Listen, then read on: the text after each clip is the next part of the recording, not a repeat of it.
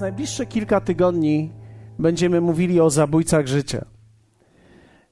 Dlatego, że wierzę w to, że każdy człowiek, który pojawia się tutaj na Ziemi, czyli ty i ja i ludzie, którzy są wokół nas, Bóg mówi do nas w swoim słowie, że nikt z nas nie jest tutaj przez przypadek. Jezus zresztą sam powiedział: Ja przyszedłem, aby dać wam życie i to życie obfite. Bóg jest Bogiem życia. W nim nie ma w ogóle śmierci. Ale myślę, że czasami, kiedy patrzę na życie ludzi, zastanawiałem się szczególnie, kiedy patrzyłem na życie ludzi wierzących, że nie tyle oni upadają, bo wiecie, każdy człowiek upada, nawet wierzący ludzie upadają, każdy człowiek upada i też się podnosi, ale myślę o tych, którzy padają na tej drodze albo odpadają z tej drogi. Wygląda na to, że tak naprawdę nawrócenie nie kończy walki o życie, ale tak naprawdę ją rozpoczyna. Nawrócenie wygląda na to, że jest pewnego rodzaju początkiem pewnej podróży, która jest niesamowicie ważna, i my wszyscy wiemy, jak bardzo też wróg walczy o to, abyśmy nie dostąpili tego momentu nawrócenia. Jak wiele osób tak naprawdę przeżywa wielki konflikt wewnątrz siebie, pewnego rodzaju lęk. Co to będzie teraz, kiedy powiem Jezusowi tak? Czy to mnie gdzieś przyłączy do czegoś dziwnego? Ludzie boją się, że to ich dołączy do jakiejś nieprawdopodobnej sekty, która będzie teraz niebezpieczna w ich życiu. Albo niektórzy ludzie boją się, że teraz będą musieli stać się dobrze, a przecież tacy dobrzy aż znowu nie chcą być, bo znowu nie czują, że są aż tacy źli. Więc jest wiele wątpliwości, wiele lęku związanego właśnie z tym, że na tej drodze będzie coś wyjątkowo trudnego, więc jest walka o to. Ale wiecie, kiedy człowiek się nawraca i kiedy dochodzi do takiego miejsca, w którym spotyka się naprawdę z Bogiem, to ta walka się nie kończy, ta walka dalej wygląda na to, że ona się rozpoczyna, jest troszkę mniej frontalna, coraz bardziej jest subtelna i dlatego też dzisiaj chciałbym, abyśmy przez dzisiaj i kolejne tygodnie mówili troszeczkę o zabójcach życia, tych, które wchodzą do naszego życia w taki sposób, który nie jesteśmy w stanie czasami zlokalizować aż do momentu, w którym się coś naprawdę złego dzieje. W Mateusza 13 rozdziale chciałbym, żebyście spojrzeli na ten tekst. Ewangelia Mateusza, rozdział 13, werset 24 do 30. To będzie nasz kluczowy tekst, którym się zajmiemy przez najbliższe kilka tygodni. Posłuchajcie, co niesamowitego to słowo mówi. Jezus mówi tak: Podobne jest królestwo niebios do człowieka, który posiał dobre nasienie na swojej roli. A kiedy ludzie spali, przyszedł jego nieprzyjaciel i nasiał kąkolu między pszenicę i odszedł. A gdy zboże podrosło i wydało owoc, wtedy się pokazał i kąkol. Przyszli więc słudzy gospodarza i powiedzieli mu: Panie, czy nie posiałeś dobrego nasienia na swojej roli? Skąd więc ona ma kąkol? A on im rzekł: To nieprzyjaciel uczynił. A słudzy mówią do niego: czy chcesz więc, abyśmy poszli i wybrali go? A on odpowiada: Nie. Abyście czasem wybierając kąkol, nie powyrywali wraz z nimi pszenicy. Pozwólcie obydwom róść razem aż do żniwa. A w czasie żniwa powiem żeńcom: zbierzcie najpierw kąkol i powiążcie go w snopki na spalenie, a pszenicę zwieście do mojej stodoły. To jest ciekawa historia. Ciekawa historia, ponieważ Jezus sam opowiada ją i mówi, że Królestwo Boże takie właśnie jest. I wprowadza nas w ten temat i pokazuje nam, że Królestwo Boże ma w sobie również pewnego rodzaju negatywną historię. Że istnieje również coś, co jest trudne, coś, co jest niebezpieczne, coś, co jest tak naprawdę do przewidzenia. Wierzę w to, że Jezus chciał pokazać nam, że Królestwo Boże nie zaczyna naszego życia i nie wprowadza nas do życia, w którym wszystko teraz będzie dobrze. Ale że Królestwo Boże podobne jest do takiego właśnie momentu, do takiego, do takiego obszaru, w którym dzieją się również złe rzeczy. I teraz zło, które się dzieje, nie jest jeszcze złem, dopóki człowiek wie o nim. Gorzej jest, kiedy nie wie. Ciekawą historią tutaj jest to, i, i, myślę, że ciekawym faktem, na który chciałbym, żebyście zwrócili uwagę, to jest to, że ten gospodarz, który siał, wiedział, co się stało i wiedział, że to jest złe. Ludzie wokół nie wiedzieli, co się stało, ale on dokładnie wiedział, skąd się ten kąkol wziął. ponieważ od razu gospodarz odpowiedział: To nieprzyjaciel uczynił. Więc na ich pytanie, skąd więc ma konkol, możemy powiedzieć, że to jest pytanie ludzi z zewnątrz. Czasami ludzie z zewnątrz wyglądają na tych, którzy myślą, że jeśli człowiek pójdzie za Bogiem, to wszystko już dobre teraz będzie się działo i skąd się teraz dzieje coś złego w jego życiu, my nie wiemy. Tymczasem gospodarz, i wierzę w to, że to jest również Jezus, ale również każdy z nas, który może być mądrym gospodarzem, odpowiada: To nieprzyjaciel uczynił. Istnieje zasiewane zło, mimo iż wcześniej zostało zasiane dobro. I gospodarz mówi tak: pozwólcie, aby dojrzewali razem. Pozwólcie i dajcie im czas. W czasie żniwa najpierw jednak zbierzemy konkol i powiążemy go w snopki na spalenie, a pszenicę zbierzemy później i zwieziemy ją do mojej stodoły. Gospodarz nie jest zrezygnowany, że coś złego się dzieje. On ma strategię, on ma myśl, on wie, jak to rozwiązać. On mówi: poczekajmy i najpierw zbierzemy to, co jest złe, a później zbierzemy to, co jest dobre i zawieziemy to do stodoły. Inaczej mówiąc, w Twoim życiu w tym momencie nie musi dziać się wszystko dobre.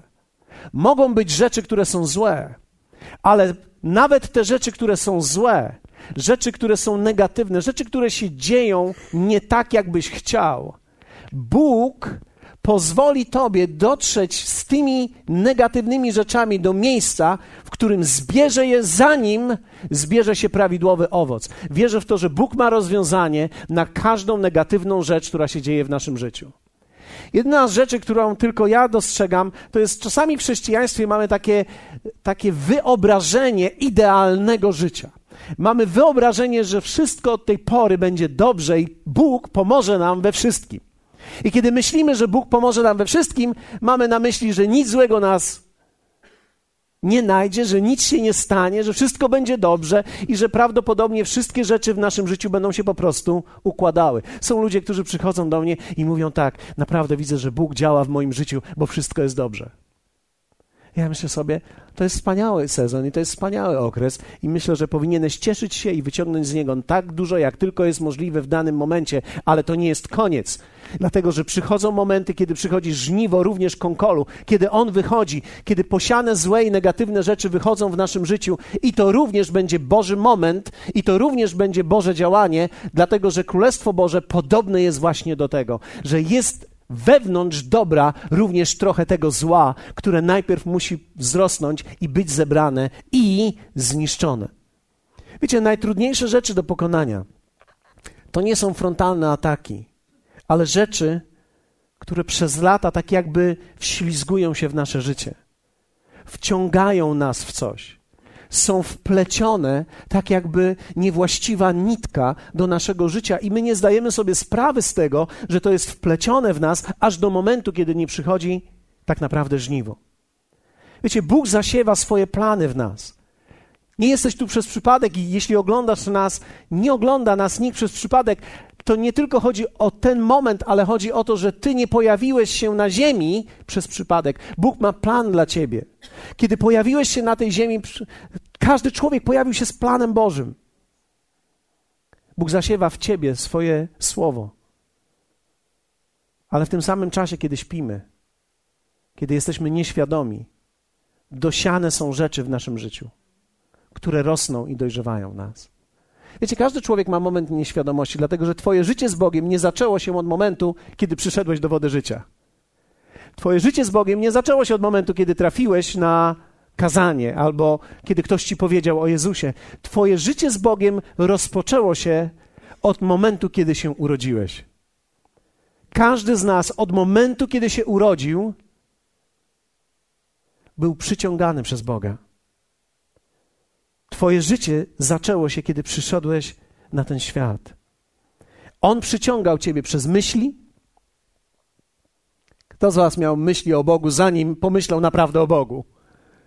Są ludzie, którzy mówią, ja chciałem być księdzem. Są ludzie, którzy mówią, ja chciałem zostać zakonnicą, ja chciałem służyć Bogu. Później oczywiście poznałem e, Jadzie i, i Czar prawda? Albo albo w drugą stronę oczarowała mnie, ale my mamy naszą historię, gdzie każdy człowiek miał jakby takie odczucia. Myśmy tak to interpretowali, myśmy w taki sposób definiowali to, ale myśmy mieli pragnienia, aby Jemu służyć. To były Jego pragnienia. Myśmy umieli je tylko wyrazić w taki sposób, w jaki znaliśmy wokół nas, był nam przedstawiany, ale to były pragnienia, które każdy z nas miał. Pewne myśli, które się pojawiały, pewne sytuacje i okoliczności życia. Niektórzy ludzie przeszli naprawdę trudne, traumatyczne sprawy. Niektórzy mieli wypadki, z których tak naprawdę mieli nie wyjść, a jednak wyszli.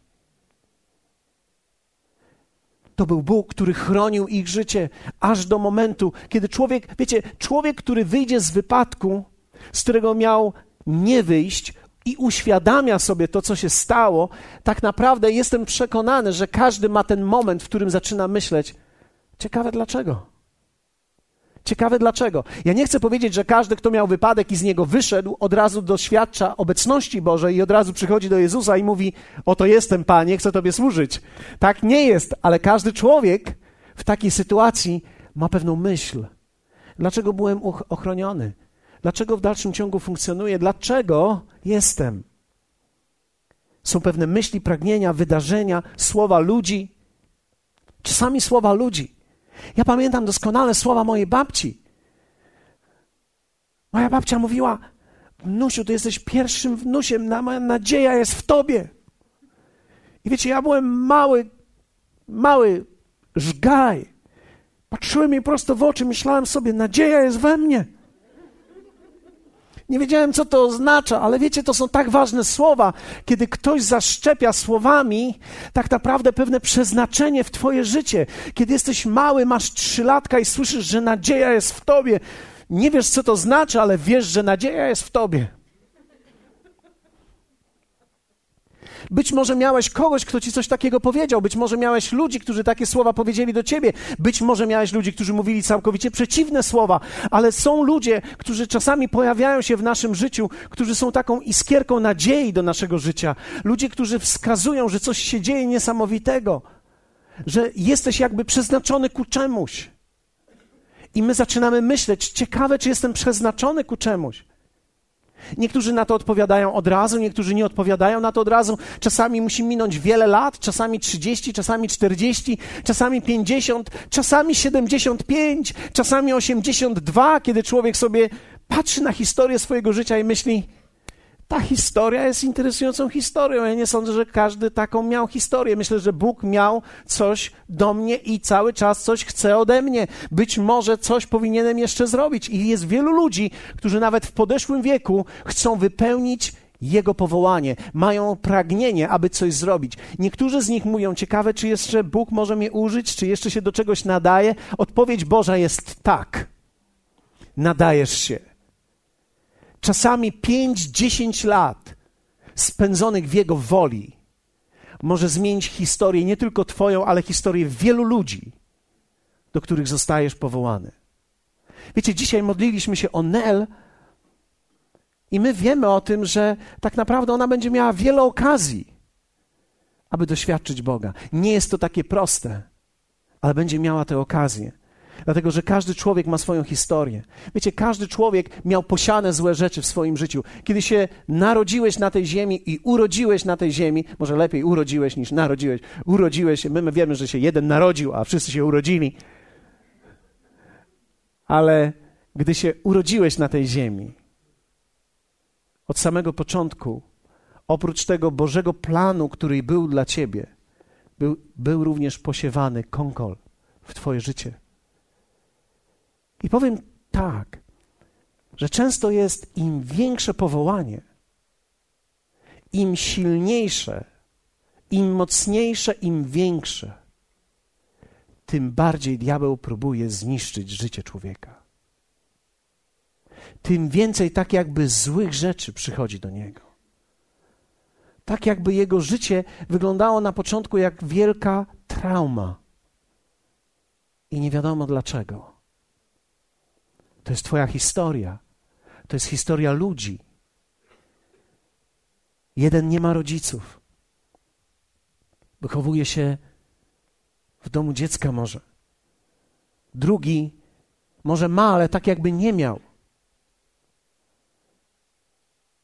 Niektórzy może mają za sobą związek nieudany, małżeński i zastanawiają się, co teraz.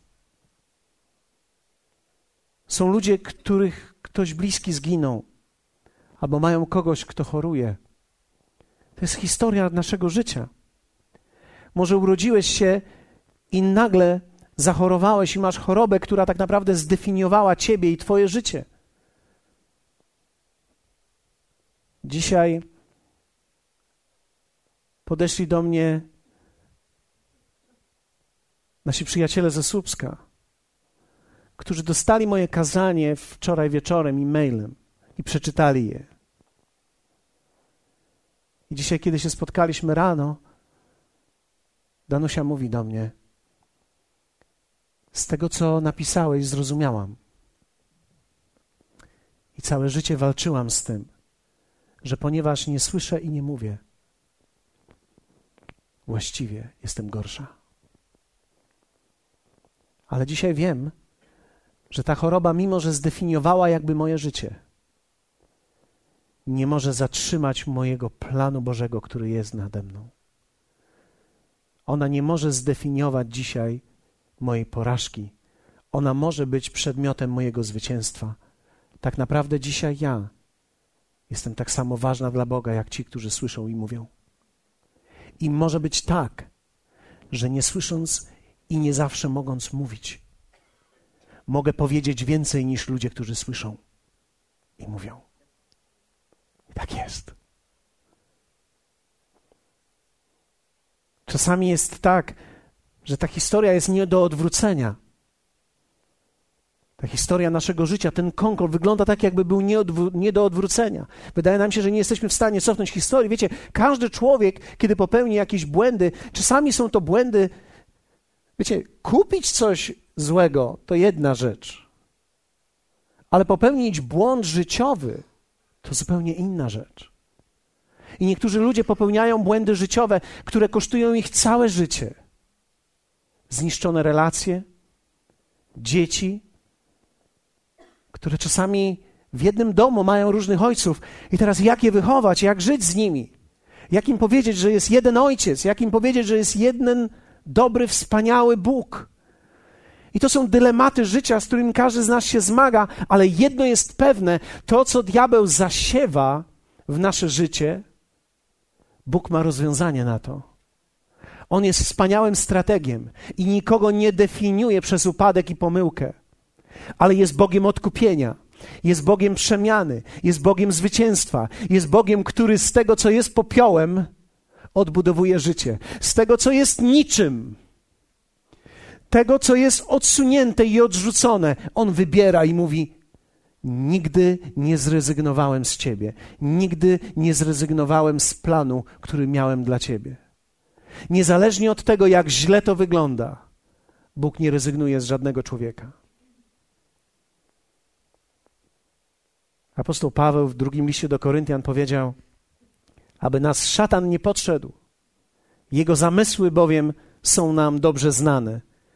I to jest też zamysł pewien Chrystusa, który chciał nam pokazać, że Królestwo Boże to nie jest królestwo Disneyland. To nie jest królestwo, gdzie wszystko jest super i wspaniale, że jest ten konkol, ale Bóg mówi dzisiaj do każdego z nas, że ja mam rozwiązanie na Twój konkol, mam rozwiązanie na Twoje problemy, mam rozwiązanie na to, co Cię gnębi, mam rozwiązanie na to, co jest nieodwracalne w Twoim życiu, ja mam na to strategię i plany nie są pokrzyżowane. Jeśli Ty nie zatrzymasz się, razem, Bóg mówi, możemy dokonać tego zabójcą, o której dzisiaj chcemy jakby mówić i modlić się o to, są nieuzdrowione zranienia. Dotknięta dusza na trwałe. Tak, że w jakiś sposób zdefiniowany jesteś przez swoje zranienie. Zobaczyłem, że wielu ludzi ma chorą duszę.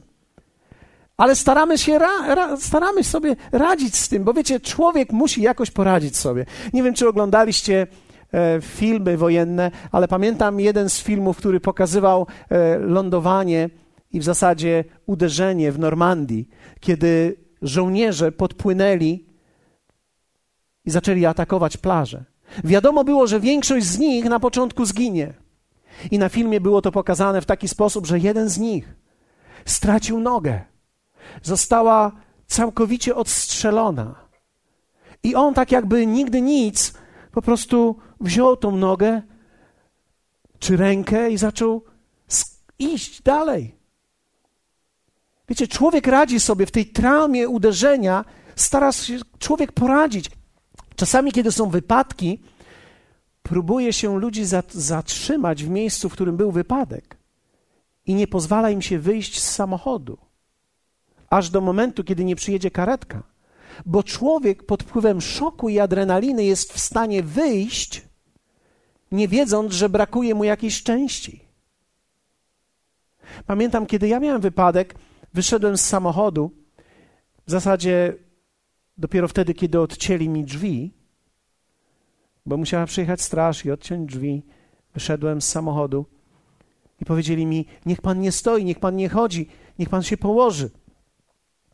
Ponieważ nie wiadomo, co panu jest. Pan nawet sam teraz nie czuje, co panu jest. Wiecie, człowiek stara sobie poradzić ze wszystkim, co jest w życiu. I, I, zobaczyłem, że my mamy wielką zdolność przetrwania. Są ludzie, którzy potrafią przetrwać bardzo wiele lat w bólu, w traumie, w problemie. Wiecie, ja wierzę w to, że Bóg nie powołał nas, abyśmy sobie poradzili w życiu tylko, ale abyśmy Jego znaleźli i zwyciężyli. Mamy wspaniałe spotkania dotyczące odkrywania powołania. Jest to niewielka grupa, bardzo lubię tą grupę.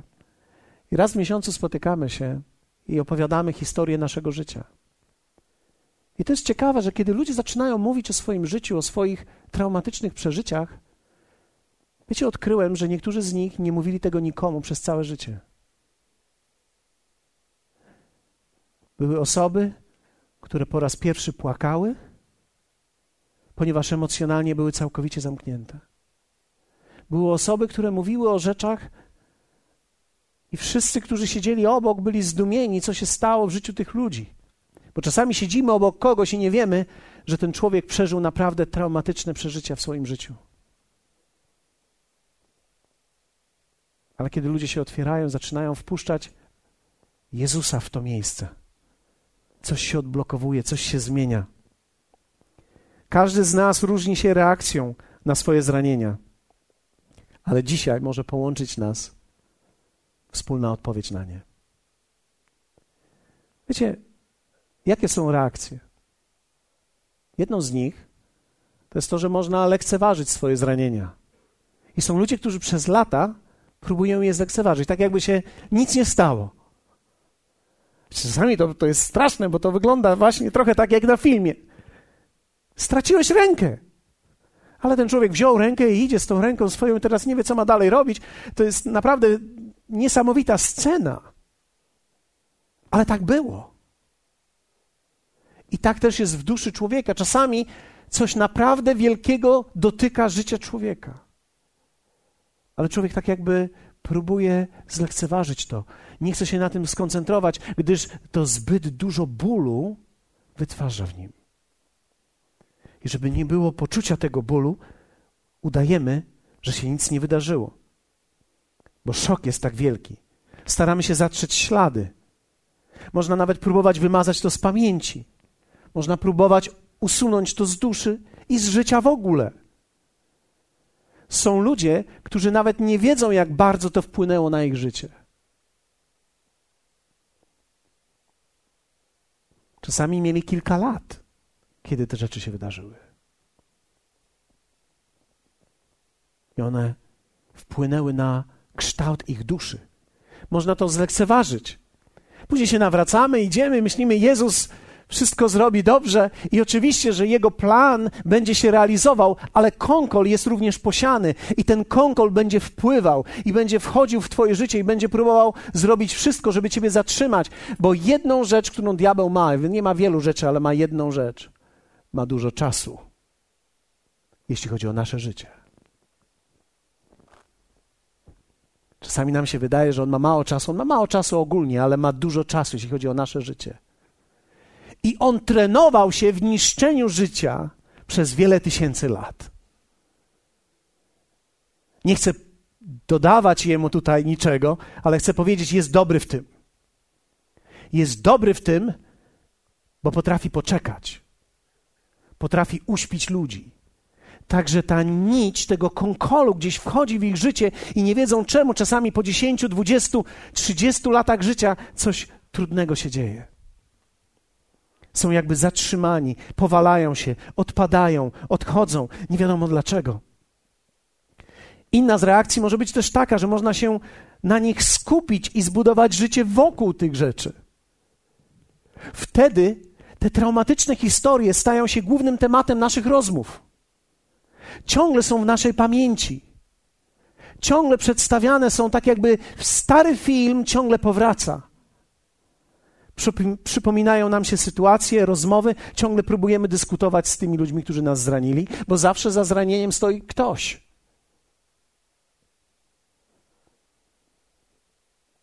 Staramy się omijać tych ludzi. Mamy nadzieję, że ich w sklepie nie spotkamy.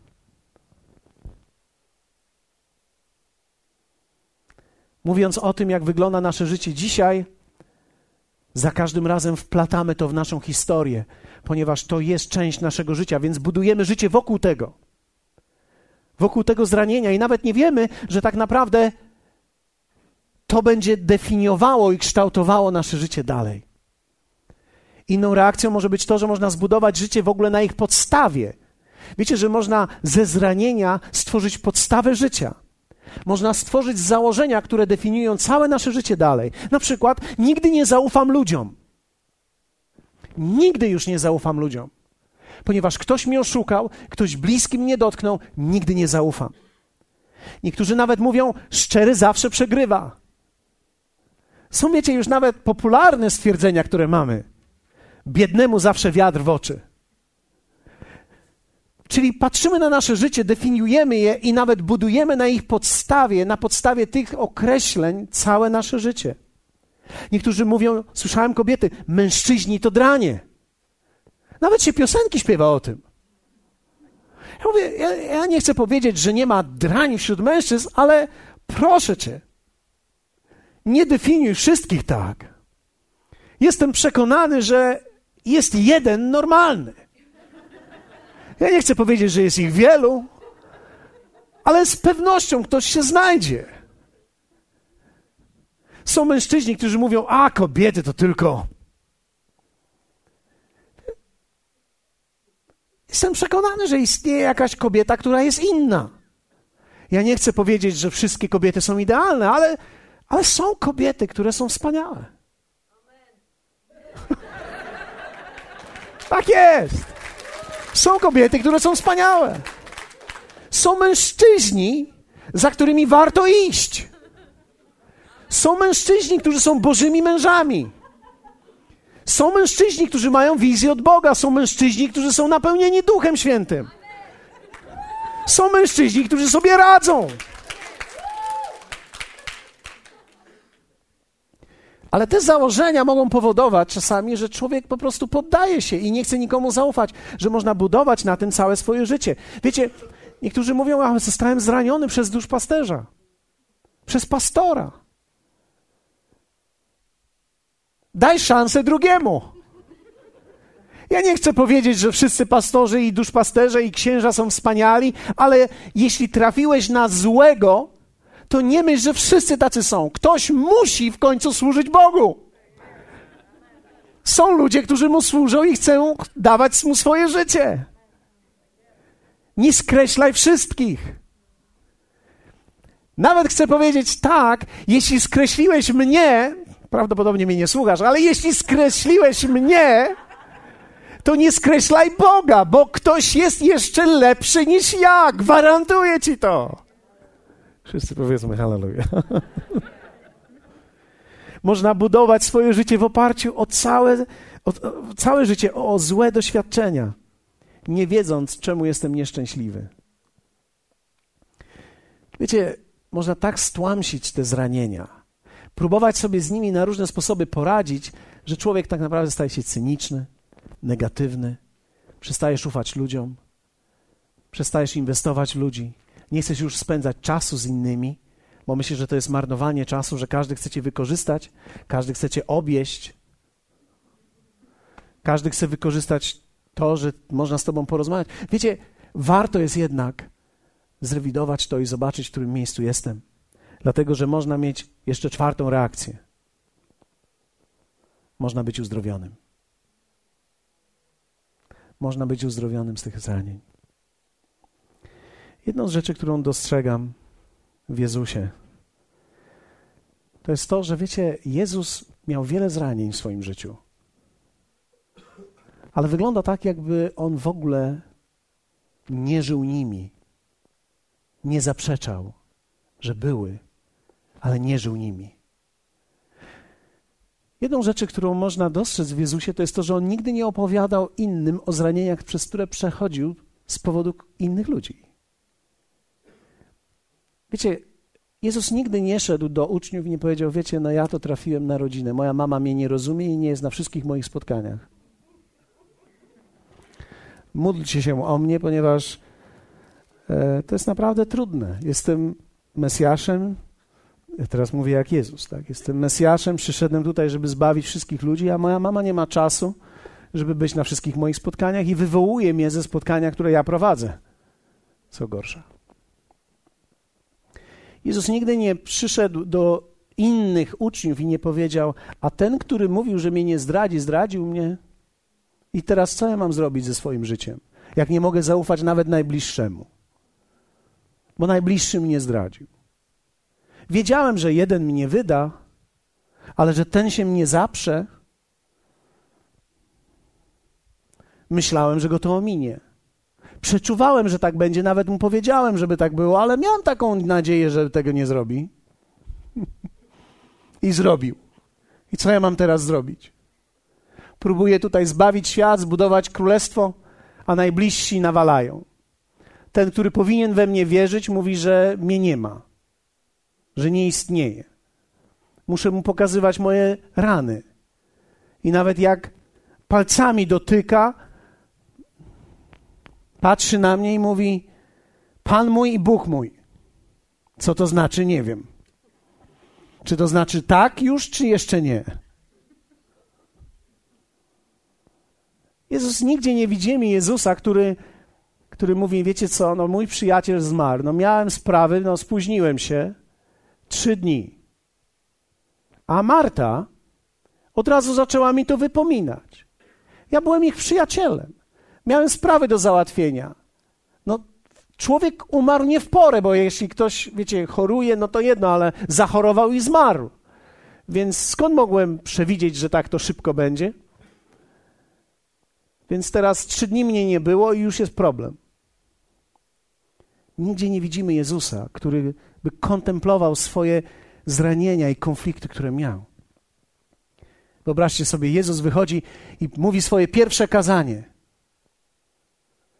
Kiedy Jezus powiedział swoje pierwsze kazanie, chcieli go wyprowadzić ze świątyni i zrzucić go z góry. Ja myślę, że to nie jest dobry początek dla żadnego kaznodziei. Chcesz powiedzieć pierwsze swoje kazanie chcesz, żeby ludzie chociaż podeszli do ciebie i powiedzieli: Bardzo ładne kazanie. Bardzo ładne. Bardzo ładne kazanie. Trenuj dalej. Tymczasem Jezus otworzył swoje usta, powiedział parę słów i pierwsze co chcieli zrobić, chcieli go zrzucić. Wyrzucili go ze świątyni. Nigdy nie widzimy Jezusa, który by do tego wracał. Co ja mam teraz z sobą zrobić? Ludzie nie chcą słuchać tego, co ja mówię. Nigdzie nie widzimy zapisków, żeby siedział gdzieś na kamieniu i pomyślał sobie: Mój Boże, nie udało się. To już koniec. Jezus był uzdrowiony i był zdrowy w swojej duszy. I wierzę w to, że to jest Jego powołanie i Twoje powołanie, abyś był uzdrowiony w swojej duszy. Dzisiaj będzie czas żniwa dla niektórych. Zbierzemy dzisiaj trochę konkolu i spalimy go. Dlatego, że wierzę w to, że Jezus dzisiaj przychodzi jako ten, który uzdrawia, dotyka nas. Tak, abyśmy nie nosili zranień w swoim życiu, ale abyśmy pozwolili, aby Boży olej uzdrowienia wlał się w nas. Jest jeden z niesamowitych fragmentów. Apostoł Paweł mówi o tym w Galacjan, Odtąd niech mi nikt przykrości nie sprawia, albowiem ja stygmaty Jezusowe noszę na ciele moim. Stygmaty, mimo że dla wielu jest to niezrozumiały temat, ale apostoł Paweł mówi o stygmatach, nie o stygmatach w swoich dłoniach, ale o stygmatach, czyli swoich zranieniach, które miał, które nie są dzisiaj ranami, ale są bliznami. On tylko pokazywał, gdzie była rana, ale już nie było rany. Był tylko ślad po zranieniu. I wierzę w to, że dla wielu z nas dzisiaj, dla tych, którzy są tutaj, jak również dla tych, którzy nas oglądają, to jest moment, w którym Boży olej uzdrowienia dotknie Twojego życia. Być może nawet wróci to dzisiaj do Twoich lat dziecięcych i tam będzie wylane, abyś był zdrowy, abyś był uzdrowiony. Abyś nie musiał przez zranienie definiować całego swojego życia i tak, aby konkol całkowicie pochłonął je, ale tak naprawdę, abyś mógł być wolnym człowiekiem, który ma stygmaty, ma znaki, ale nie jest zniszczony, nie jest całkowicie poraniony. Jesteś dalej człowiekiem, dla którego zranienie jest już dzisiaj świadectwem tego, co Bóg robi. Hallelujah.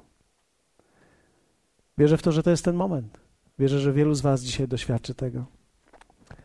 Dlatego chciałbym poprosić Was, abyście modlili się razem ze mną dzisiaj o to, aby Boży Duch dotykał dzisiaj ludzi i aby uzdrowienie płynęło. Będziemy mieli trzy lub cztery stanowiska modlitwy tutaj. Jak również będziemy modlili się, jeśli masz komórkę i chciałbyś modlić się o zranienia w swoim sercu, w swojej duszy, proszę Ciebie, abyś napisał do nas pod ten numer telefonu i będziemy modlili się tutaj razem z innymi o Ciebie dzisiaj, o Twoje zranienie. Wierzę w to, że Duch Święty nie jest ograniczony do miejsca i mimo iż nie możemy dotknąć Ciebie, to niech ten SMS, niech ta komórka będzie takim momentem, miejscem tego kontaktu, w którym możemy modlić się również o Twoje życie. Wiecie, ja wierzę w to, że Jezus przychodzi dzisiaj do nas w szczególny sposób. Powstańmy. List do Hebrajczyków opowiada nam historię taką. Mówi tak. Nie mamy bowiem arcykapłana, który by nie mógł współczuć ze słabościami naszymi, lecz doświadczonego we wszystkim, podobnie jak my, z wyjątkiem grzechu. Przystąpmy tedy z ufną odwagą do tronu łaski, abyśmy mogli dostąpić miłosierdzia i znaleźli łaskę ku pomocy w stosownej porze. Wiecie, słowo mówi: Nie mamy arcykapłana, który jest daleki od nas ale mamy tego, który może współczuć. I to słowo, to słowo greckie to jest sympateo, które dokładnie oznacza odczuwać to samo. I ze słabościami to słowo greckie to jest chorobami naszymi, zranieniami, ułomnościami. Wiecie, mamy arcykapłana, który doświadczył tego wszystkiego. I ktoś z Was może powiedzieć zaraz, jak Jezus mógł doświadczyć to, przez co ja przeszedłem? Przecież on nie mógł żyć moim życiem. On nie miał takich rodziców. On nie miał takiej sytuacji, on nie przeszedł takiego wypadku, nie było wtedy jeszcze takiej sytuacji, nie było takiej komunikacji, nie było samochodów. Jak on mógł przeżyć to wszystko? Widzisz, Jezus nie mógł żyć historią Twojego życia. Ale Biblia mówi, że on na krzyżu poczuł wszystko to, co ludzie czują gdy ich boli, gdy są zranieni, gdy są dotknięci. I Jezus nie miał Twojej historii, ale dokładnie zna Twoje odczucie. Biblia mówi, że to zostało włożone na Niego na krzyżu. I On poczuł to, abyś Ty był, mógł być uzdrowiony, abyś Ty mógł być wolny od tego. Dlatego też Biblia dalej mówi: Przystąpmy tedy z ufną odwagą do tronu łaski abyśmy dostąpili miłosierdzia i znaleźli łaskę ku pomocy. To jest ciekawe stwierdzenie, bo dokładnie oznacza ono, aby w danym czasie On mógł przyjść, greckie słowo mówi, i owinąć naszą ranę, lejąc olej, owinąć, tak aby zostało uzdrowione. I to jest to, co dzisiaj będzie się działo tutaj w tym miejscu.